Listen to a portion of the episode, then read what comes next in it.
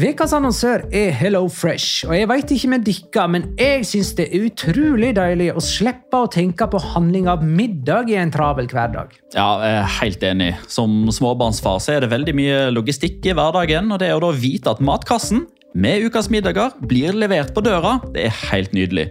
Da slipper du impulskjøp på butikken når blodsukkeret er lavt, og når du kommer hjem, kan du bare ta ut posen med dagens ingredienser fra kjøleskapet og sette i gang matlaginga. Ja, du kan velge mellom 25 ulike retter hver uke. Og de har faktisk en egen kategori som heter Raskt og enkelt, med masse enkle og gode oppskrifter. Veldig greit å ikke måtte ty til takeaway hver gang det er hektisk på jobb.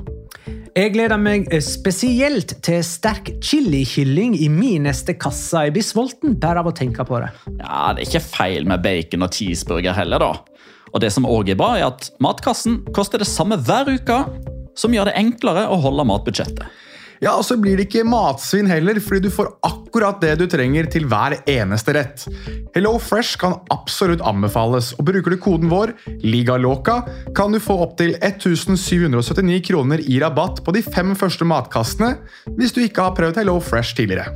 Du kan også prøve koden hvis du har avslutta abonnementet ditt for tolv måneder siden eller mer. Gå inn på hellofresh.no og bruk koden LIGALOCA.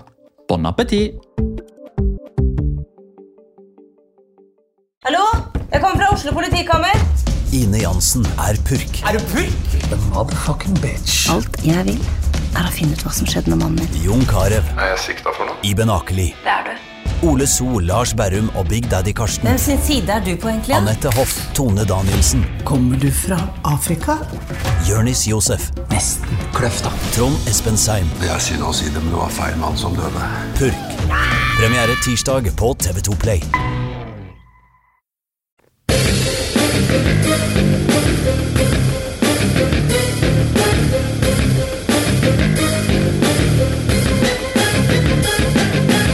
Har du sett?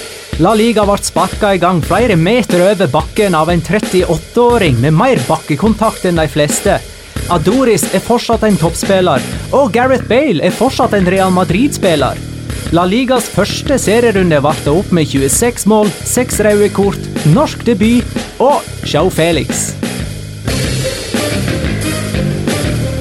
La liga loca. En litt gærnere fotball.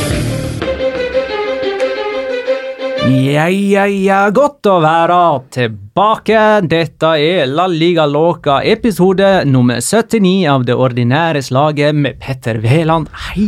Hei. Jonas Giæver. Hei. Hola. Og meg, Magnar Kvalvik. Hei. Hei, Magnar. Hei. Hei, Magnar. Uh, ja, Jonas, for å begynne med deg. Det virker som du uh, var i et festlig sånn der eh, Vi elsker La Liga-selskap denne helga, eller? Ja, det var jeg. Det var jo eh, et mer eh, La Real-party, om jeg får sagt, med Oyerfanu og Jossu og deres eh, Eller eh, Oyers venn eh, Luis, som egentlig er Madrid-fan. Luisito. Luisito. Ja, Øyer, eh, det er jo Øyer Fano Dadebat. For han er jo blitt så Norge-fan nå at han har skifta alle vokalene i navnet sitt til æ-ø-å. Mm, det er han. Så det var eh, et, et hyggelig soaré, for å si det på den måten. Det var moro å se, se det med spansk kommentator både på skjermen og i sofakroken. Eh, til deg da, Petter, så har vi et lytterspørsmål fra Geir Halvor Kleiva. Hvordan var det å kommentere La Liga igjen? Ja, det var fint. Det er ikke så lenge siden sist, sånn egentlig. Nei, det var vel uh, sist uh, forrige kamp var mai 2018, så litt over et år. Ja. Føles som et år for mye, men jeg skal, jeg skal si det, sånn personlig. Men godt å være i gang igjen. Det var jo en yeah. hendelsesrik eh, runde, dette her. Og vi har mye vi skal gå igjennom. For å ta runden, da, så starta han jo fredagskvelden med Atletic Barcelona 1-0. Eh, jeg har glemt hvem som skåra. Hvem som skåra for? Atletic. Atletic. Nei, jeg husker ikke. Nei, var ikke det han uh... Ja, det Kanskje det kommer tilbake til oss etter hvert. Ja, var ikke det? Jo. Kan jeg, kan jeg bare få skutt inn at den som kommenterte den kampen da ballen gikk i mål, det andre vedkommende sa var 'Har du sett?' Og da, da satt jeg og gleda meg til mandag. ass. Celta Vigo Real Madrid 1-3. Det var dagen etter lørdag. Eh, Valencia Real Sociedad 1-1. Og lørdagskvelden så spilte jo alle de nyopprykka lagene Mallorca Eibar 2-1. Eibar-spiller Paulo Oliveira skåra både for Eibar og Mallorca i den kampen. Gjølle spør jeg, fikk eh, Oliveira Budweisers King of the Match? Vet du hva, det, det, husker jeg ikke, for akkurat i det, eh, akkurat i det strekket der så rant det vel inn sånn ca. sju mål i, i Villarreal Granada samtidig, så det fikk jeg ikke med meg. Gjorde det, altså? Var det samtidig? Ja, altså Den begynte jo 20, og så begynte ja, Villarreal Granada 21. Så når ja, Mallorca Eibar var ferdig, så var det straks pause i Viareal Granada. Mm. Og Leganes og Sassona, som endte 0-1. Chimi Abila, som jo drev og skåra heftige mål for eh, nedrykkslaget Uesca, skåra nå heftige mål for nedrykkskandidaten, får vi nesten si, Osasona. I alle fall opprykkslaget. Og så nevnte du jo Viareal Granada 4-4. Eh, Roberto Soldado og Santi Casorla skåra, og jeg fikk helt sånn 2006-vibber. Eh, og dette med 4-4 og eh, La Liga-historie etter år 2000, Petter? Ja, det, Før 2000 så skjedde det jo nesten ikke. Etter 2000 så har det skjedd en del ganger. og Det har skjedd klart flest ganger på Estadio de la Ceramica og El Madrigal som er samme bane. Det er hjemmebanen til Villarreal, og de to siste er da altså Villarreal Barcelona og Villarreal mot Granada. Jeg mener Mr. Chip skrev at fire av de ti 4-4-kampene som har vært i dette, i dette århundret, har alle vært på La Ceramica eller ja, El Madrigal. Atletico Madrid var vel en uh, motstander òg, hvis jeg ikke husker feil. Antonio Puertas skåra for Granada, og da skvatt jeg faktisk bitte litt. uh, men han som ikke lever lenger, heter altså Antonio Puerta. Ja, uten S. Uten S på ja. slutten der. Alaves Levante. Nå er vi på søndag. 1-0 til Alaves. Seier, med andre ord, eh, til Alaves da under nye trener Asier Garitano. Senere ble det Español eh, Sevilla 0-2, Real Betis Valladolid 1-2 og Atletico Getafe 1-0. Vi skal snakke mye mer om mange av disse kampene, men eh, ja, vi kan jo begynne med det vi antar er tittelkampen Barcelona, Real Madrid og, og Atletico. Eh, og det er jo selvsagt de vi har minst tro på, Real Madrid, som imponerer mest med 3-1-seier borte mot Celta Vigo. Real Madrid, Nye Real Madrid ser forvekslende like ut gamle Real Madrid, spør du meg. Litt av en eh, revolusjon som ikke var en revolusjon, og som heller ikke var en evolusjon. Eh, heller ikke Gareth Bale glimra med sitt fravær. Da fikk, jeg fikk nesten litt sjokk når, når den lineupen kom.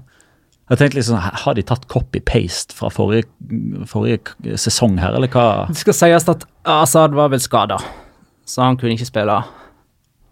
Nei, jeg stemmer det. Og, men jeg synes jo det var litt sånn 2017 eh, ringte de vil gjerne ha sesongstarten sin tilbake igjen. For det er jo den klubben som man forventer at skulle på en måte overkjøre og ha styring fra start av. Barcelona eh, skorter i første serierunde, og så er det det laget der det har vært trøbbel og faenskap hele sommeren, og som ikke har fått de spillerne de har ønsket, som imponerer aller aller mest i serieåpningen, Real Madrid. Så det, det minner litt om da Barcelona gjorde motsatt, etter at Neymar ble solgt og det var trøbbel i tårnet mm. der også. Ja, ikke sant. Når det er kaotisk sommer og alle har senka forventningene, da, da, skjer det. Så nå går Real Madrid mest sannsynlig nesten en ubeseiret sesong igjennom, og så taper de mot Levante mot slutten. Ja, tredje siste runde. Ja, riktig. spillere jeg må se vant til tredje siste runde, så setter jeg faktisk alle nest, mine Nest siste runde var det vel Barcelona har tapt. Ja, det kan godt hende. Eh, men altså, eh, resultatet i seg sjøl, 1-3 på Balaidos, er jo imponerende. Men altså, de leder bare 1-0 idet Modric blir utvist. Så de skårer jo to av sine mål og går opp til 3-0 med 10 mot 11. Ja, mm. det var en kamp dette her som uh, Der marginen uh, altså vi, vi, skal ikke snakke så veldig mye om marginene når skuddstatistikken på mål til slutt viser 12-2 favør av Madrid. Da er det en, en seier som i, i, liten grad har vært trua, men Celta Vigo hadde virkelig muligheten til å uh, få med seg mer enn det de fikk. og de trodde jo at de skulle gå til pause med uavgjort. De trodde jo at de hadde fått ja. den utligninga. Men så viser det seg jo da at Aspas er i offside. VAR blir i dette tilfellet brukt korrekt. Vi skal snakke mer om uh, involveringene til videosystemet litt senere i poden.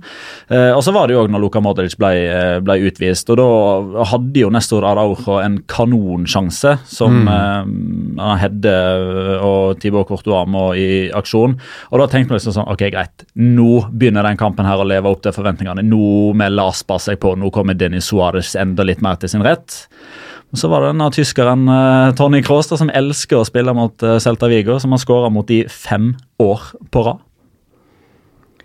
Men uh, Gareth Bale, da. Hva er greia nå? Skal han selge? Skal han bli? ifølge noen medier så har Zidane sagt han blir.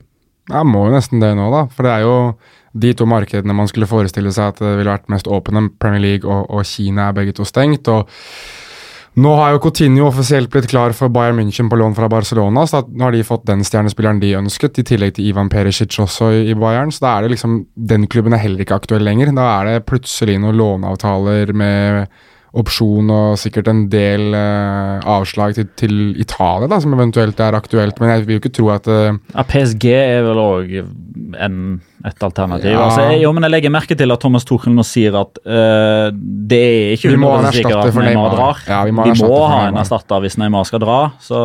Ja, altså det er jo ikke utenkelig, men jeg forestiller meg Bale jeg har lyst til å bli. Og jeg mener han, når den leverer sånn som han gjorde i første serierunde, der var han jo faktisk helt super. Altså jeg var jo, Spesielt den assisten til, til Benzema er fantastisk god, og jeg synes han har gode involvering i kampen gjennom og så ut som en spiller som ikke var affektert av det som har pågått rundt han denne sommeren her, og det må man nesten gi litt kred for til Gareth Bale.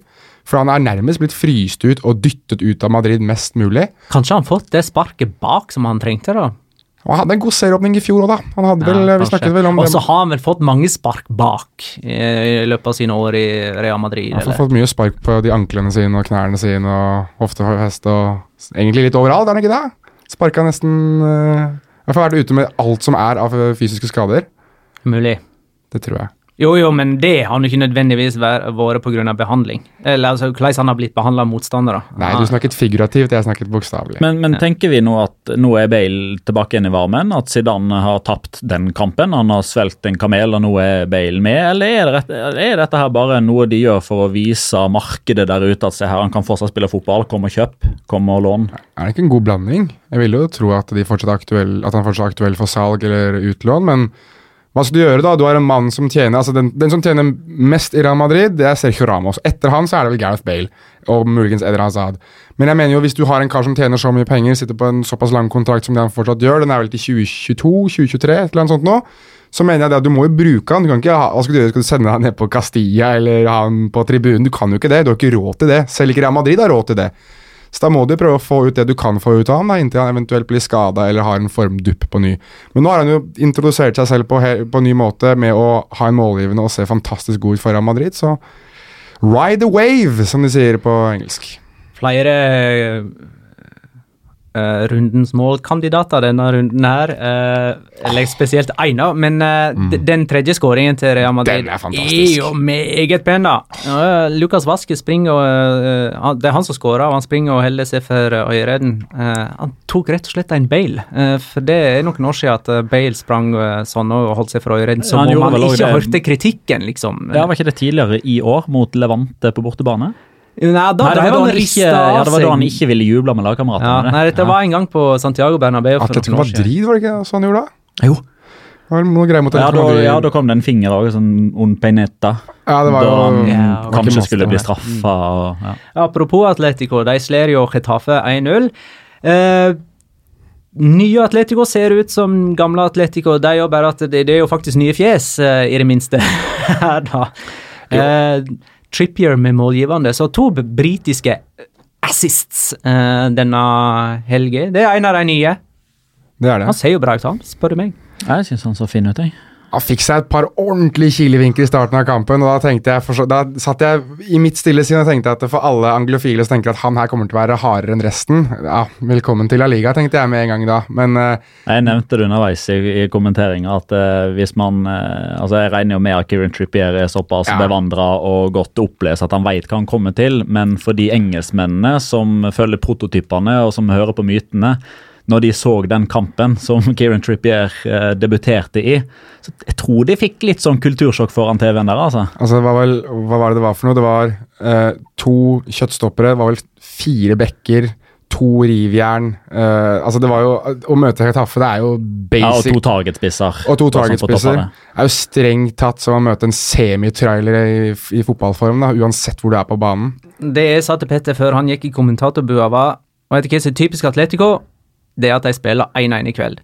Uh, og det var ikke langt unna heller. De had, fikk den tidlige skåringen, og da tenkte sånn Nå, nå kanskje Ja, nå får de senke skuldrene, som du vel var inne på.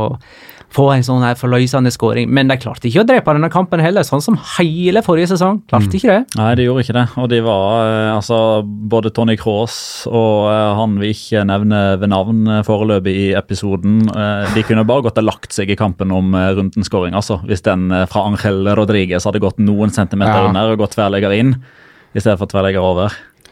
Ja, fordi Oblak, da han reiser seg opp igjen, så er det sånn Den det hadde ikke jeg tatt. eh, Nei, den der uh, kysser nok uh, krysstanga før den går i mål. ja. Men, men eh, som du sier, ja, korrekt, ny sesong samme Atletico. Men vi venter til etter en kamp mot Retafe med å konkludere. Okay, det okay. gjør vi. Det er greit. Det er min innskytelse. Hvor kjip en kompis er egentlig Alvaro Morata, som bomma på den straffen? Altså, tenk deg, det, det, det Felix Sjau Felix Reide, det, det ga ikke noe uttelling, det. Nei, men jeg tror samtidig Det er, det er nå én ting, men jeg Jeg hadde slått opp. Ja, du hadde det, ja? Ja, det, jeg skjønner den.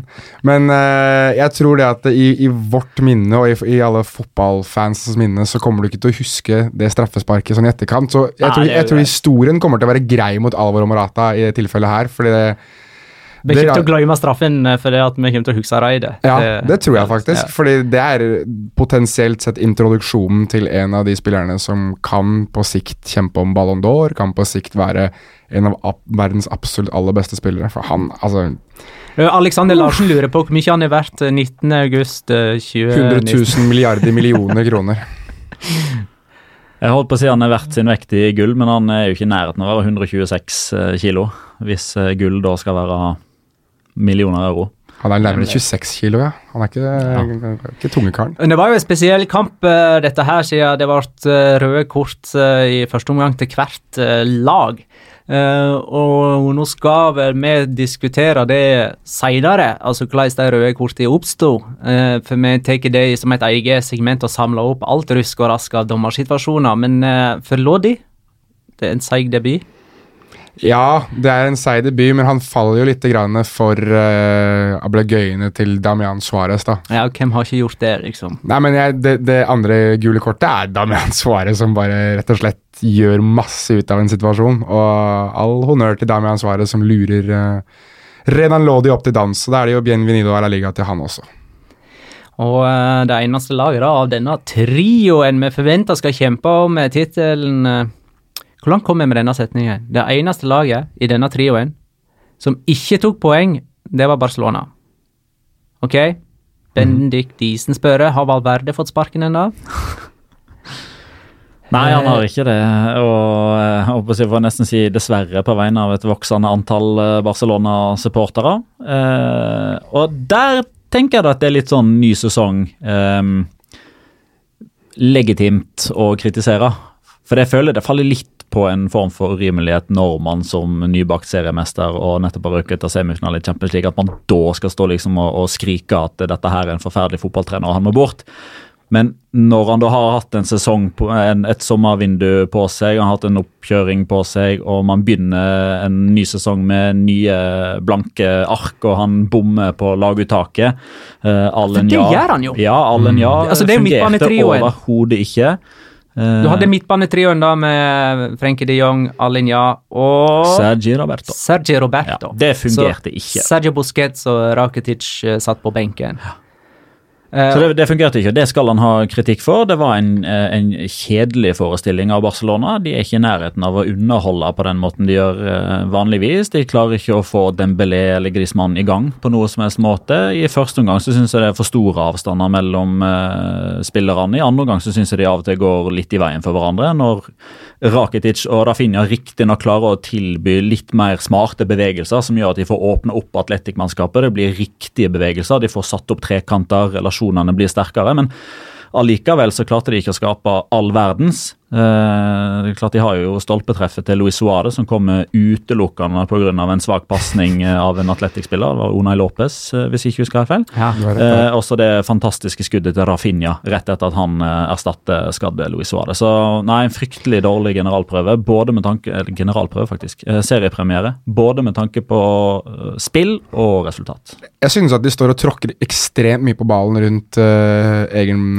egen boks. Jeg satt og så, Da jeg så kampen hjemme, så tenkte jeg det virker nesten, som, med tanke på manglende kreativitet Det virker nesten som dette er en sånn stille appell fra Barcelona-sportere om at kan dere bare sette i helvete og kjøpe Neymar, så vi har noe som kan, noen som kan gjøre noe individualistisk her. For de sto jo bare og tråkket på ballen og fikk ingenting til å fungere. Det var, Og, og Luis Suárez Sorry, ass, men dette her må være siste sesongen hans. Det må, hvor han er på topp, ja, det sa du forrige sesong. Det, men nå må det være over. Altså, det, Gud hjelpe meg å si han så ut. Mm. Det, Jeg har aldri ja, sett han så seg. Den skaden kan jo hende at det var noe som på en måte lå og ulma. Ja, hvis det gjorde det, så, så, fair enough, men gud bedre og seigt det var. Men eh, altså, Messi mangla jo. Ja. Eh, og det Sondre Heggedal spør, er hvorfor roterer Valverde så mye på resten av laget hver gang Messi ikke spiller? Og Nå har jeg ikke sjekka dette opp, men det bare føles som uh, en uh, korrekt observasjon at når Messi er ute, så gjør han mange andre overraskende, overraskende endringer i laget òg. Men eh, egentlig så bare slo det meg nå når jeg fikk det spørsmålet. Da. Ja. Super, superenkel forskning viser at ja, så, så da, da, er det ikke rart at de sliter med å skåre uten Messi på laget, liksom når de òg skifter hele laget for øvrig. Jeg tror, jeg tror, jeg har spilt tre kamper nå uten Messi i La Liga 2019 eh, uten å skåre. Oi. Ja, det er ganske vilt. Magnus Øy hvem blir skada først, Rafinha eller Dembélé? Rafinha. Dembélé, ja. men altså, før i tiden Jeg syns han var skikkelig god. Det, det som påminnes om hvor god han er. da. Jo, jo, men Rafinha kan det bli solgt til Valencia, eh, og i den avtalen så kommer det til å være en skadeklausul som gjør at Valencia slipper å betale eh, hele summen hvis han blir skada over en så og så lang periode. For han, han er så kjeks. Det er ganske sykt hvis dere, både han og broren hans, altså Thiago, som spiller i Bayern Men det er jo grobunn Vi har jo faktisk en, en, video som beviser hvorfor de er så mye skada. For søk opp Rafinha Thiago Kids på YouTube. de der sklitaklingene de setter inn på hverandre når de er kids. Det er jo ikke noe rart at de ikke har eh, leddsvikt på leddsvikt hos begge de to. Det er jo noe grusomme taklinger. Så jeg tror grunn, grunnen til hvorfor de har så mye skadeplaga begge to, er eh, dårlig bad parenting eller noe sånt. Vet jeg, Første nederlag i en åpningskamp for Barcelona siden 08-09, eh, som ble en av tidenes beste sesonger. Da tapte de mot Hercules? Nei, det var to Numancia. år etterpå. De tapte mot Nomancia, og så spilte de uavgjort mot Racing Santander, mm. og så vant de resten av kampene den sesongen i alle turneringer og vant eh, seks trofeer. Ja, De vant vel ikke resten av kampene? Ikke, tapte ikke de mot, det var jo litt tapte mot sånn Espanol i februar? Men, Men de vant seks trofeer. De vant alle trofeene de kunne. De ja. vant La Liga, de vant Copa del Rey, de vant Champions League. Og påfølgende sesong så vant de Supercopa i Spania, Europa og VM for klubblag. Hadde seks trofeer kalenderåret 2009. Men høy, de har bare vunnet La Liga tre av de 16 gangene de har tapt åpningskampen, så det finnes statistikk som taler i disfavør her òg. Eh, Coutinho er klar for Bayern München, det ble vel nevnt. Eh, I denne kampen så spilte Inyaki Williams sin 120. seriekamp på rad. Og eh, Arizadori skåra det avgjørende målet, og jeg syns vi skal snakke om det. Jeg syns vi skal det. Kan godt gjøre det. Vi kan Her. det. Ja, nei, altså, det var altså, jo For de som ikke veit det. han, det jo, det... han, kom inn i 87. og ja. skåra i 89. og ble hylla som den kongen han er. Det må jo være lov å si at uh, dette her var ingen høydar av en fotballkamp. Men jeg må jo være såpass ærlig også og si det at når du sitter og venter i 89 minutter og blir servert det, da er det greit at det er 89 minutter med ganske kjedelig fotball. ass. For gud det, altså Jeg tenkte på det, som- det som du sa, Magnar. Var det enten fjorårssesongen eller forfjor? Hvor du snakket, ja, lyst på søtsaker, og at det er sånn kvalmende søtt, og jeg har lyst til å spy søtsaker. Og, altså Nei, man Nei. eh, Men det, altså, det der var jo en brasse på Ronaldo-nivå, liksom. Og Adoris er 38, og Ronaldo var Cristiano Ronaldo altså var, hva var han, 32 da han satte den for Nei, det var Real Madrid mot Juventus, var ikke det? Mm. Ja. Så, eh, det er den jeg tenker på. Det er Ja, på den det er, ganske, nivået. den er ganske lik, altså. Den er det. Og det Adoris er mer sidestilt. Altså Det er litt mer sånn Det er litt mer saksespark enn brassespark. Altså På, på spansk så ville de kalt det for chilena uansett, tror jeg. Men Ronaldo er liksom Den er så høyt oppe, mens Adoris må time det så ekstremt mye bedre for å treffe riktig på sida. Så Det er jo to ekstreme prestasjoner, og tenk som Magna påpeker, han er på banen i kanskje litt over et minutt. Og, Ja, ja. og, ett minutt og sju sekunder tok det. ja, Og han har nettopp annonsert at dette er siste sesongen, ass. Ja, ja. Det var jo kylekor holdt jeg på å si, i spansk presse om at ikke legg opp. Ta, Ja, ja. ta et år Men altså, meg, meg og Jonas landa jo i Bilbao den fredagen han annonserte at han la opp, så det var jo det første som slo oss når vi endelig, endelig fikk uh, nådd sosiale medier igjen etter et par, to, par timer oppe i lufta. Um, og da uh, Jeg har liksom gått tilbake og sett hva han egentlig sa der. Uh, og han sa jo da at la oss håpe at jeg kan gi Atletic-supporterne noen fine øyeblikk i løpet av den sesongen som kommer nå. Ja, lykke til med å gi de enda finere øyeblikk enn det du ga de nå, altså. Din gode, gamle 38-årige skiløper. Han blir bare bedre med året, virker det som. Jeg hadde jo ikke tro på det eh, forrige sesong, da. Han bare skåra to mål. Skjønt. Han har jo Det var jo det lekreste straffesparket jeg har sett noen gang. Jeg da. akkurat å si det. Eh, Elias Larsen lurer jo på om jeg har landa igjen, og om jeg har konvertert til adorisme. Og det er vel noe det går an å konvertere til, faktisk. Veldig bra. Adorisme, den er fin. Ja, den liker jeg.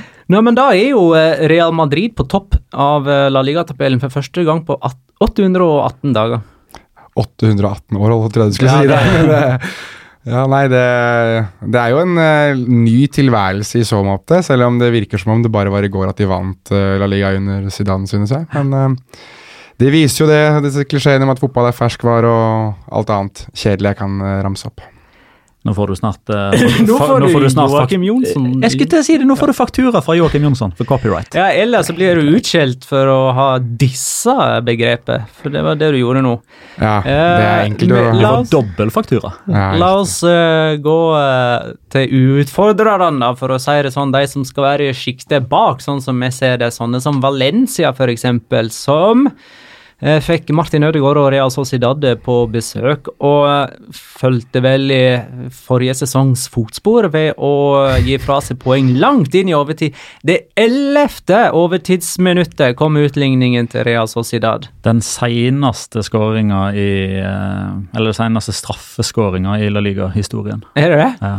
Det er også den seneste skåringen som har blitt skåret etter år 2000, vel? I en ordinær kamp, er det ikke det det var? da? Mm, Nei, det spørs litt på hvordan man uh, teller minutter. For det var den der eh, kampen mellom Español og Barcelona Ja, det er der det begynte å brenne på tribunene, dette, sånn, som gjorde at klokka gikk mens kampen stoppa. Ja. Så skåringa kom i det 117. eller et eller Ja. sånt. Men det Så det telte ikke, da? eller? Straffeskåring. Oh, ja, så det var ikke straffe, det? Sånn, jeg husker det som en straffeskåring. Oh, ja. Den, eh, Barcelona, det Barcelona-derbyet. Ok. Sent, sent åkke som, da, denne skåringen Ja. til uh, Oyarzabal. Han var litt kaldere på sin straffe, Oyar Sabal, enn Kevin Gameiro var.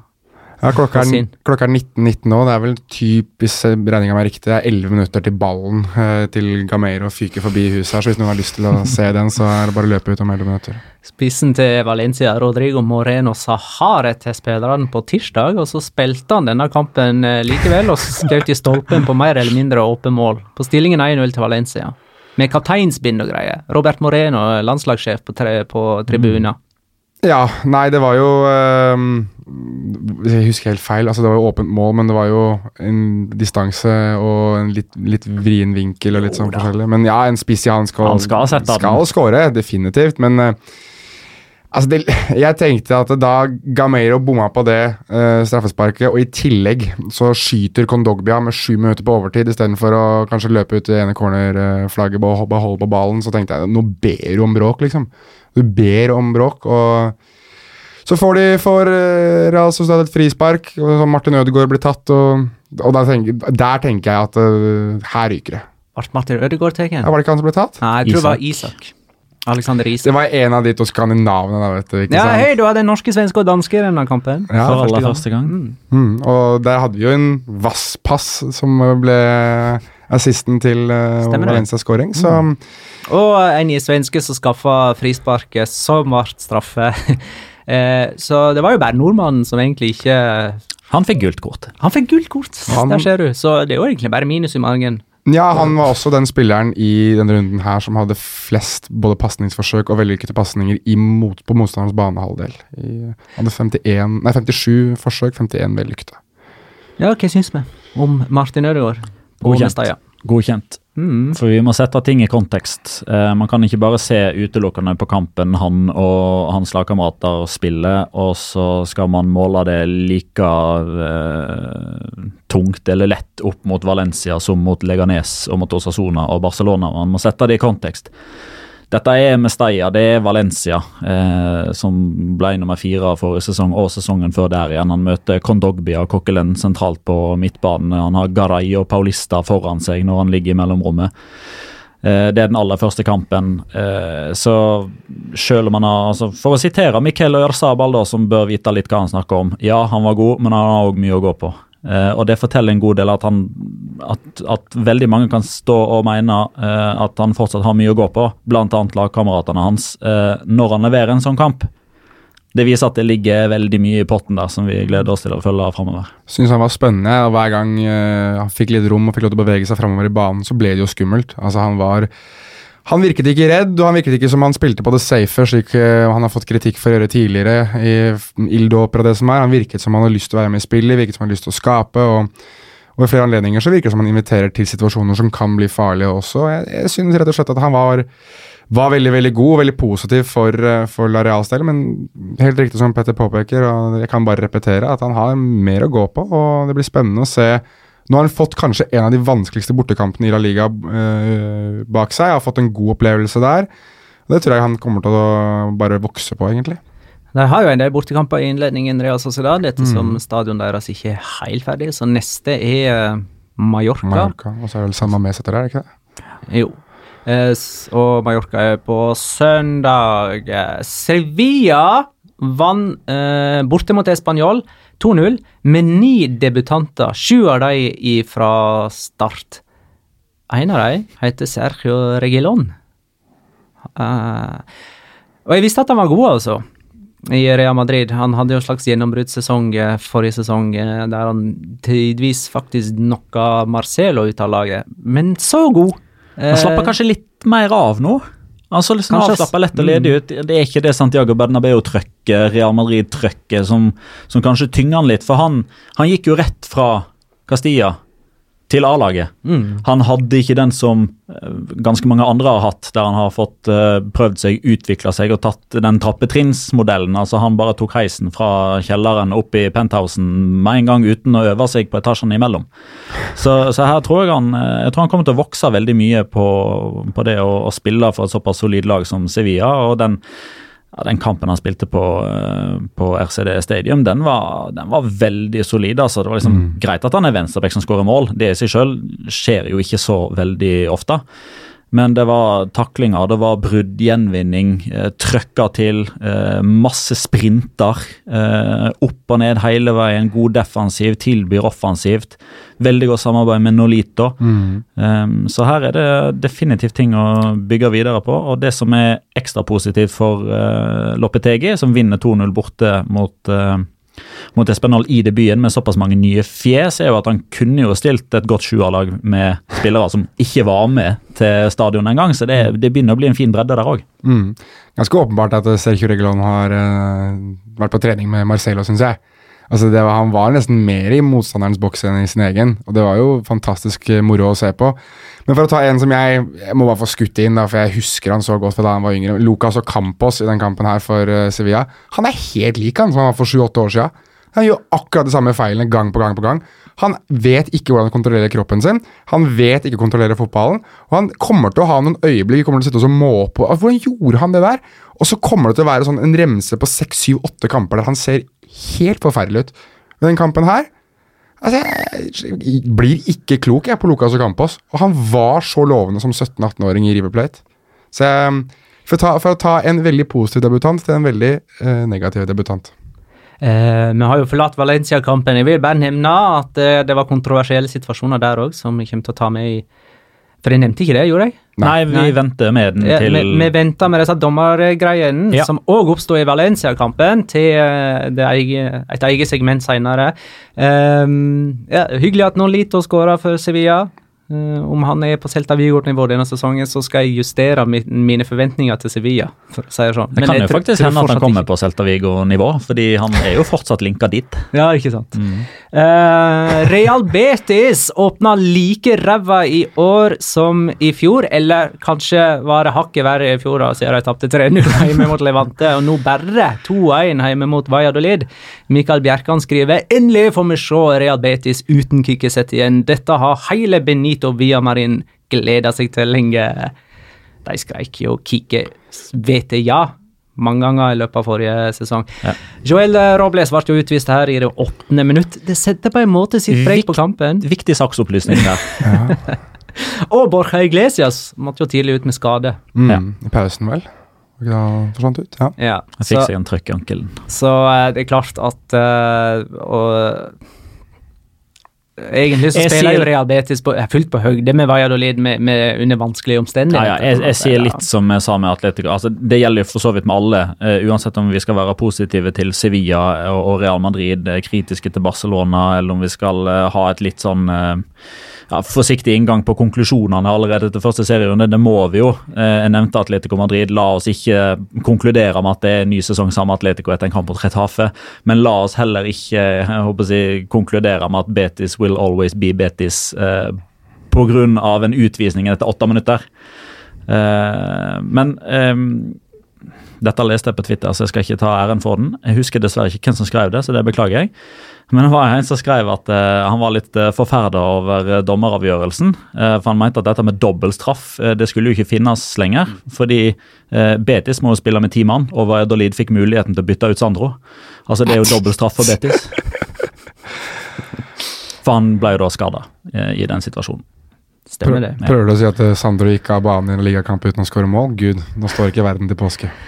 All right, da runder vi av uh, der. Og så uh, har vi funnet ut uh, på vårt årlige redaksjonsmøte på en eller annen restaurant en eller annen plass at vi skal, vi skal bli litt mer nostalgiske i La Liga Loca. Vi skal ta litt tilbakeblikk på historiske øyeblikk i løpet av hver episode. I alle fall prøve det ut. Se hvordan det går. Det, det vi har tenkt å gjøre, er at Petter nå skal få lov til å fortelle oss om et historisk øyeblikk i La Liga.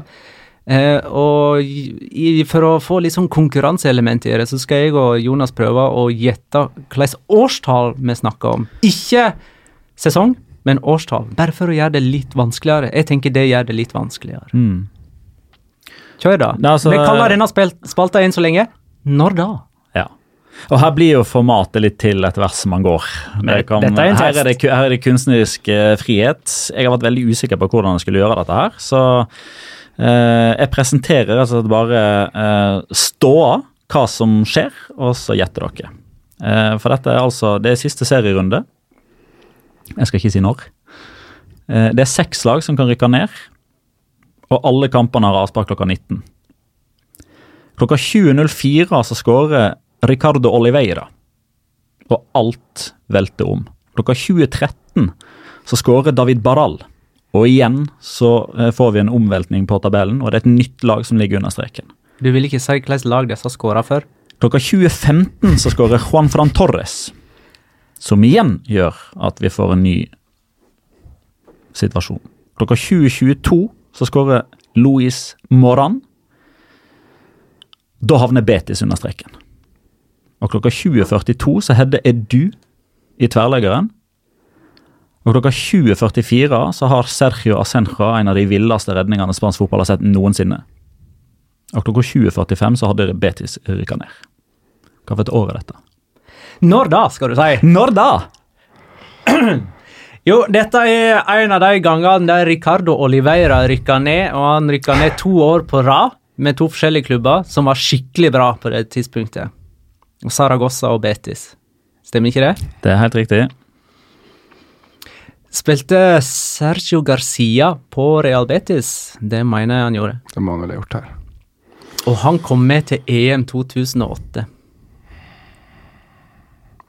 På Nei. tross av denne fiasko. Sånn husker jeg det med Sergio Garcia, som overraskende var med i EM-troppen på tross av nedrykk med Real Betis. Men det jeg lurer på, spilte han nå på Saragossa i det der nedrykkslaget deres? For det var et skikkelig godt lag. Ja, det var det.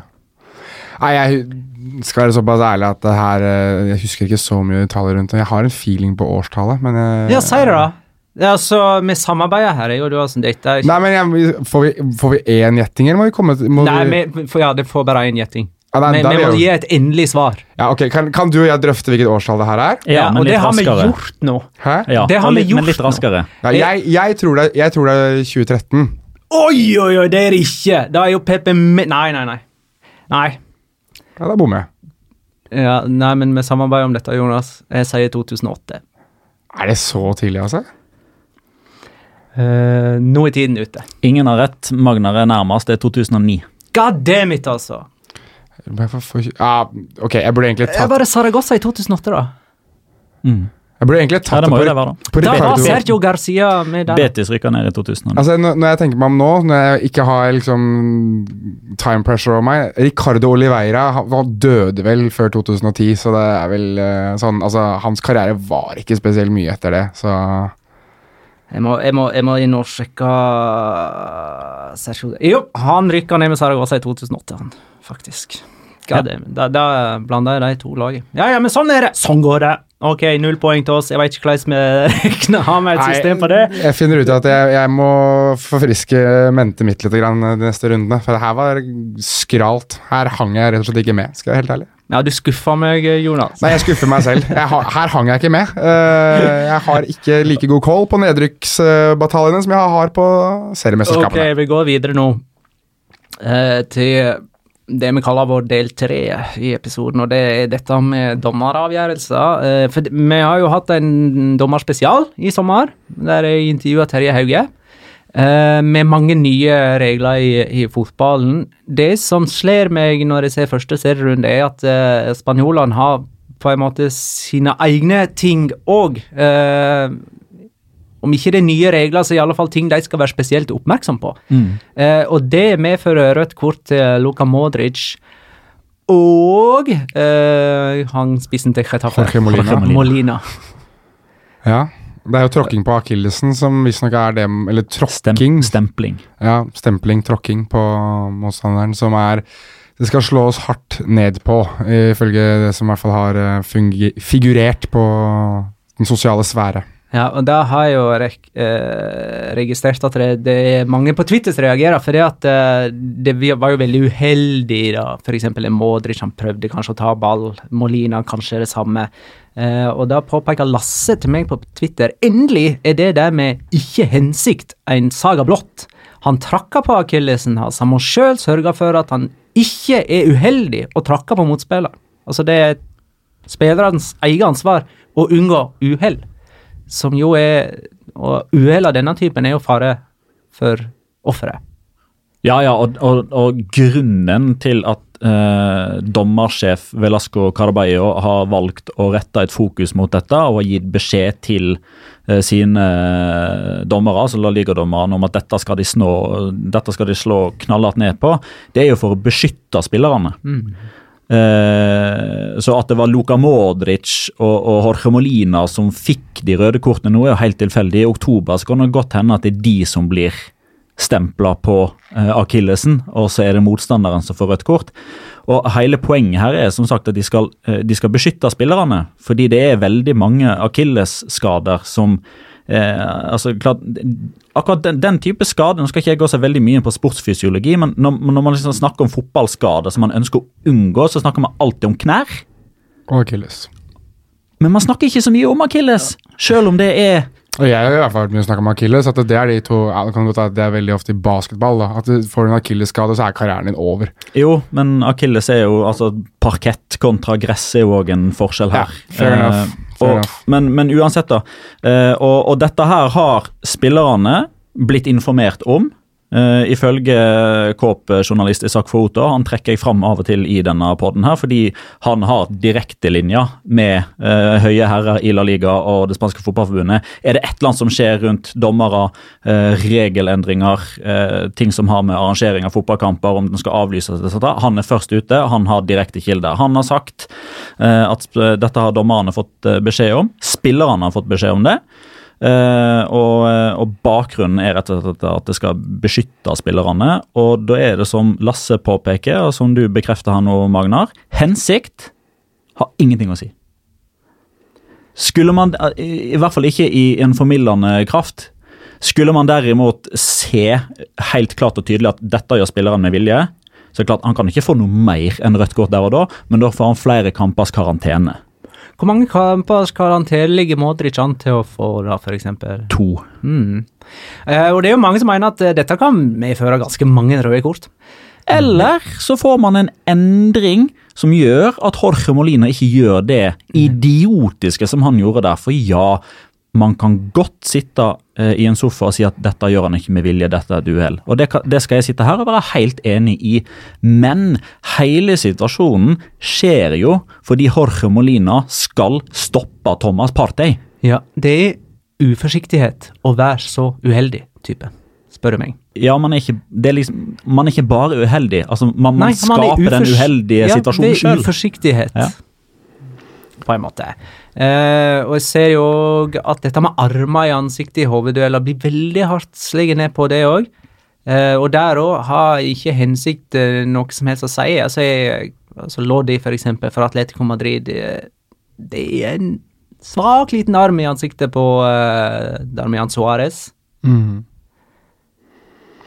Ja, altså, for å ta jeg, Som det er for øvrig hans andre gule, da. Ja, jeg er enig med dere i altså, at det, er bra at det slås ned på ting som kan ha ehm, Altså kan fremkalle slike typer skader, da, for å si det på den måten. Men det jeg synes man så konturene av, og jeg jeg snakket litt om basketball, så derfor jeg bruker basketball igjen som et eksempel. Altså, jeg synes at det, hvis man skal begynne å eh, ha visse områder man skal slå hardere ned på, så gjør man litt sånn som man gjorde i NBA, altså den amerikanske basketballigaen på 2000-tallet, hvor det var visse typer eh, feil da, som man slo hardere ned på, som betød matchkarantener og som betød hardere straffer.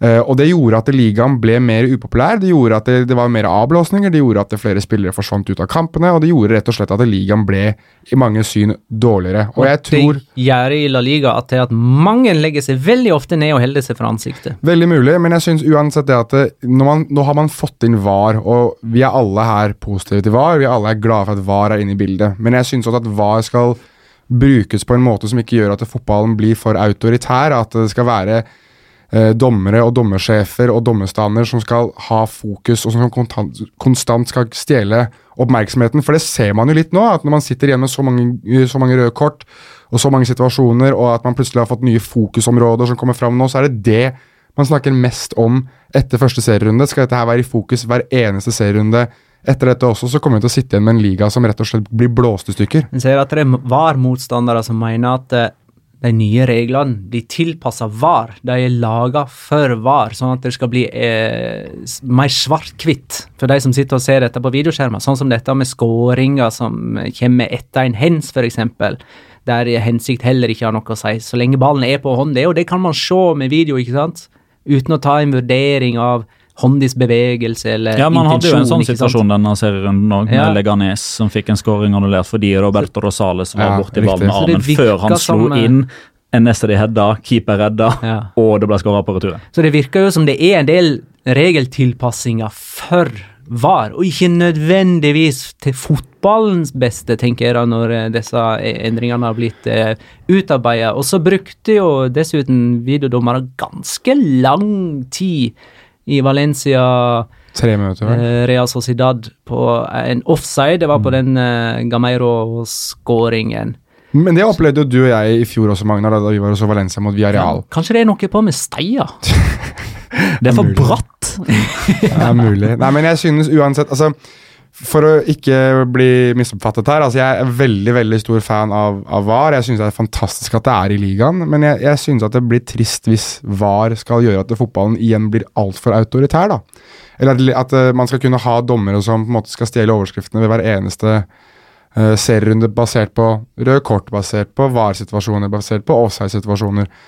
Vi skal ha det riktig, men man kan ikke endre reglene i så stor grad for at det skal tilpasses et nytt system. Da må jo det systemet tilpasses inn i det som allerede er status quo, må det ikke det? Men der tenker jeg at vi har et ansvar sjøl for hva eh, man fokuserer på.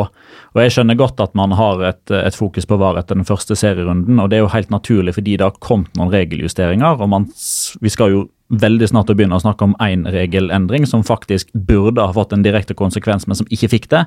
Eh, Og derfor snakker vi om det. Eh, Men samtidig så er det sånn at eh, hvis, hvis dette her hadde vært serierunde 23 og man hadde fått den skåringa til Adi Adoris, man hadde fått den skåringa til Tony Cross, mm. man hadde fått den skåringa til Lukas Vaskes. Hvis man da etter 28. serierunde fortsatt snakker om utvisninga til Jorge Molina og Luka Modric, da er, det, da er det sitt eget fokus man må jobbe med. Ja, det er en regel du sikter til. Har ikke for øvrig Messenger åpen. Eh, for jeg sendte et bilde der. Jeg tenker eh, Den regelen du sikter til nå, den er jo fra Valencia Real Sociedad, der Martin Ødegaard var kanskje litt vel nær muren. Ja, eh, det var den jeg som der eh, Real Sociedad hadde altså- altså et frispark skaut eh, i hånda på Coquelin, som sto i muren, eh, og det ble dømt straffe, mens mange mener at det skulle ha vært indirekte frispark til Valencia, fordi at Martin Ødegaard var en meter, eller var mindre enn en meter ifra muren til Valencia. Mm. For det svirrer jo noen bilder eh, på Twitter, i alle fall, dagen etter. Ja, den kom samme kvelden. Ja, ja.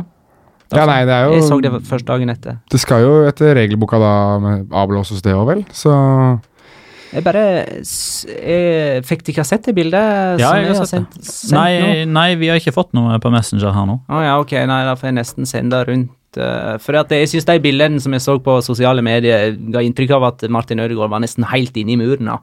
Men jeg studerte bildene sjøl etter å ha sett dem på nytt i Strive, på Strive eh, i dag, og syns jo egentlig at han holder ganske bra avstand til muren, men kanskje ikke en meter. Men det spørs jo når eh, altså Dette her gjelder jo når frisparket tas, ikke når den har kommet halvveis mot muren, som det bildet der viser. Nei, nei, eh, det, det får jo være grenser liksom, hvor mye man klarer å fange opp. Men her er altså, Og hvor mye tror han klarer å bevege seg på det 0,01 sekundet? Det er litt sånn som med keepere som skal stå på streken sin og, kan kun ta ett skritt ut. At Man har jo sett noe i etterkant at keeper rekker å ta litt flere steg ut fra målstrek enn hva man skulle forvente på så kort tid. Men altså, for all del Det er flisespikkeri, da, synes jeg akkurat. Uh, det Jo, jo, men det, det har jo faktisk VAR vist seg å være. Ja, jo, jo, det er jo helt når vi sant. er offsider offsida på millimeteren. Men der var VAR mer opptatt uh, av å titte på handsen til Coquelin. Altså kanskje man oppfatter at uh, Nei, jeg vet ikke. Man oppfatter at Ødegaard har fjortet, eller fjortet seg, flyttet seg før uh, ballen treffer, treffer hånda til Coquelin. Jeg veit ikke. Jeg, jeg, jeg vet ikke, men jeg, men jeg synes Uansett at hovedpunktet må være det at det, det kan ikke være for autoritært. Det er, det, det er det som blir min tanke rundt det her. Jeg fant fram kampbildene igjen nå, og det er ikke, det er jo ikke bare det at han står der, men han, han løper faktisk typ muren. foran muren, så det er ikke Ja, bare det at han det- står der òg. Jo, jo, men så lenge han holder seg en meter unna muren, så har han jo lov til det. Han skal jo ikke stå i ro. Det er jo ikke det som er regelen. Uansett, da. Eh, jeg syns de bildene som har flagra på sosiale medier, er litt misvisende. For når man ser det fra sida, så ser man at han er ganske klart framfor muren, og ikke i han i alle fall. Han er ikke i fysisk kontakt med noen. Men eh, igjen dette med hvor, var, hvor nøye VAR skal være på å måle avstander og sånt, da. Det blir jo en diskusjon. Jeg tror vi dropper den eh, eh, for nå. Eh, og da tror jeg vi er kommet til rundens spiller. Mm. Det ja, det, det og det deg, er, Og det deg, det. Det er meg. Det er meg. Da, men da må vi ha musikk. Vi må ha musikk. Vent litt, da. Jeg skal bare fikse noe musikk. Sånn. Det blir eh, diktdebut, i alle fall for mitt vedkommende, i La Liga Loca. jeg gir meg. Jeg legger skoden på hylla. Jeg vil ete som det passer meg og danse i fylla. Jeg vil tilbringe tid med ungene og med kona. Men først skal jeg brasse inn et seiersmål mot Barcelona. Jeg gir meg. Jeg gidder ikke dette mer. Jeg kunne ha gått langrenn og blitt en Størmer Steira. 20 år med fotball for Holda. Jeg er ikke av stål. Men først skal jeg skåre tiårets mål. Jeg gir meg. Det finnes andre ting i livet. Jeg har bodd lenge nok i en 16 meter som ei anna gjedde i sivet. Jeg er fornøyd med alt, så nå er det slutt. Men først skal jeg bli matchvinner. Gi meg to minutter. Jepp, jeg gir meg nå, sjøl om jeg fortsatt er spretten. Jeg er snart 40 og like lett på foten som da jeg var 13. Kroppen er fin, den altså, jeg er frisk, å ja da. Så først skal jeg skåre mens Messi er skada. Jeg gir meg nå, det har vært en kjekk karriere. Jeg har gjort nok for å bryte tyngdekraftens barriere. Det har vært action, sprell og fres. Men først skal jeg ønske Valverde velkommen hjem til San Mames. Jeg gir meg nå. Atletic har fått seg en yngre spiss. Jeg har kjempa nok mot sånne som Rami, Damian og anna piss. Nå blir det familie, ski, mat og dans. Så du Terstegen, eller? Han hadde ikke sjans. Jeg gir meg nå. Det er slutt. Æresord. Man har bare sin tilmålte tid på jord. Det handler om timing, en duell med tidens eim. Bare spør Piquet, han var altfor sein. Jeg gir meg nå, men jeg gir ikke fra meg krona. Sjøl med skoden på hylla sitter jeg på trona. USA har Trump, England har Boris. Men det er jeg som er kongen av Baskeland. Det er jeg som er Aritz Adoris. Sånn. Dæven, det var Ja, kult. det var, eh, det var nesten så man fikk litt tårer i øynene. Ja, veldig, veldig bra, Magnar. Ja, applaus for den. Det må du få applaus for, syns jeg. Jeg, jeg er litt usikker på om han har unger og kone. Men du veit, for kunsten Ja, nei, det og for rimets skyld Det var det eneste tvangsrimet som var i, i dette diktet. Jo, men høy! Da er det tid for Locora! Ukens La Liga Locura. Locura. Locura. Locura. La Liga Locura. Er det noen som har lyst til å begynne? Ja, jeg kan godt eh, begynne. Vi snakka litt om eh, vedkommende tidligere i podden, nemlig Sergio Regilon. Og Vanligvis så kommer jo jeg med litt sånn uh, statistikk-snacks, men det skal jeg ikke denne gangen. Eh, og det skal jeg takke Sergio Regilon uh, sjøl for, for han har virkelig bjudet på på Twitter. Ja, Uh, Ja, jeg vet hvor du skal. Yes. For skal. han um, har jo uh, i da Var det i dag, eller var det i går? Uansett, han har uh, tatt uh, screenshot av en uh, samtale han har hatt med en venn på WhatsApp. Og jeg skal referere fra den. Det er jo da Sergio Regilon som skriver til Ibai, som er hans venn. Dersom du kommer og ser på kamp, og jeg skårer mål, skal, skal, så skal jeg gjøre akkurat det du vil. Ibai svarer jeg kommer. Hvis du skårer, så må du tatovere Ibai har ikke ører på låret. Altså, han har ikke øyre på låret, men uh, det er det han skal skrive på låret. Ibai har ikke øyre. Ja. ja Og det er ikke Ibai går med, sant? Sitat. Ibai har ikke ører, sitat slutt, på låret. Uh, Sergio Regeland svarer Nei, jeg tror uansett ikke at jeg scorer, så jeg, ak jeg aksepterer veddemålet. Uh, Español, Sevilla 0-1. Målskårer Sergio Regilon, som altså da legger ut denne tweeten og spør Vil du ha den på venstre eller høyre lår. Så får vi jo se da om han eh, er en mann av sitt ord. Høres jo, altså den, Denne eBay, bare for å ha skutt det inn, er jo en eh, kommentator. Han kommenterer jo e-sport i, i Spania. Um, han eh, har jo også eh, så mye som 854 000 følgere. Ja, Så denne forsvinner nok ikke i Twitter-sfæren. Den Denne kommer nok- folk til å minne Sergio Regilon på. Det er nok helt riktig. Så jeg tror eh, faktisk, faktisk at eh, Regilon må leve opp til dette her. For det her kommer nok til å bli litt medieoppstyr rundt, eh, nesten uansett utfall. Eh, noe som ikke det blir så mye medieoppstyr rundt, men som jeg synes uansett var ganske festlig, var jo noe som eh, også sirkulerte litt på sosiale medier, men jeg fikk sett det Fikk sett det først på TV da jeg så Valencia mot Real Sociedad på ny, men Det blir jo satt opp eh, æresvakt for de nybakte. Ja, det har vi, Eh. Eh, vi har den samme. Har vi det? Ja. Nei! Kjør, jo, men det er fint. Kjør på. Ok, ja, for de nybakte Copa del Rey-mesterne. Og Lareal sto jo og applauderte inn Valencia, og eh, hvem er det som sto i mål for Valencia? Jo da, det var jo Jasper Sillesen som tapte Copa del Rey-finalen med eh, Barcelona. Og det blikket hans når han ser det at han må inn der og eh, få æresvakt, det er så u... Altså, det er så sånn Mastercard eh, altså det, er ikke, det er ikke noe pris, liksom. Altså, det finnes ikke noe pris for hvor Priceless. priceless eh, blikk.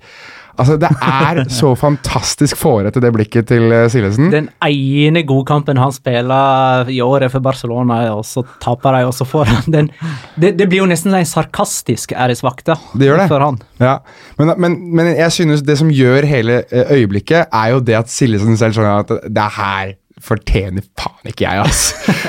Det som hadde vært sinnssykt kult, er om han bare hadde gått rundt. Det hadde, vært, det hadde nesten vært enda bedre. Han kom jo som nummer to bak kaptein eh, Rodrigo.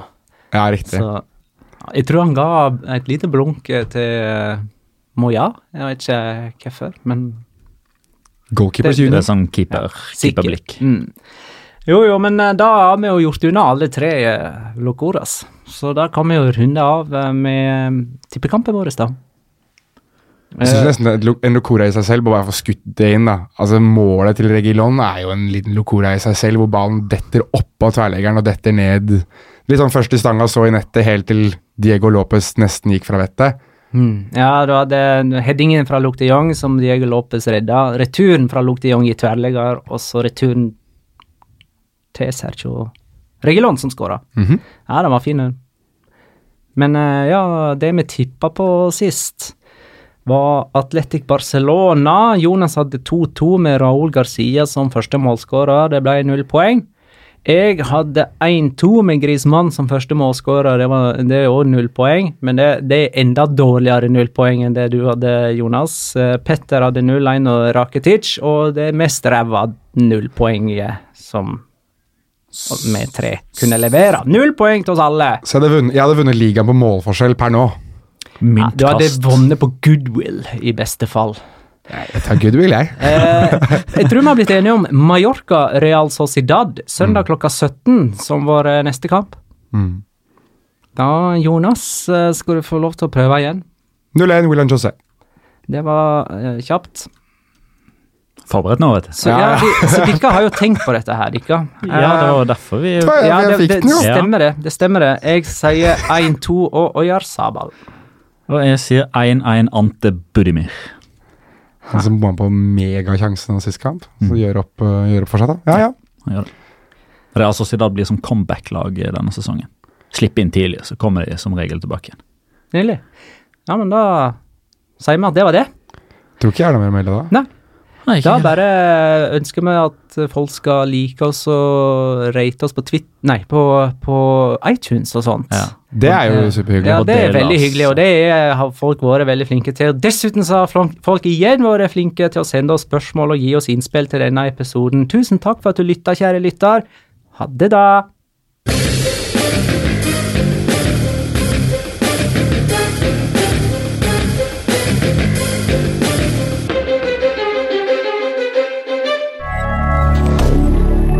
Moderne media. Har du et enkeltpersonforetak eller en liten bedrift? Da er du sikkert lei av å høre meg snakke om hvor enkelt det er med kvitteringer og bilag i fiken, så vi eh, gir oss her, vi.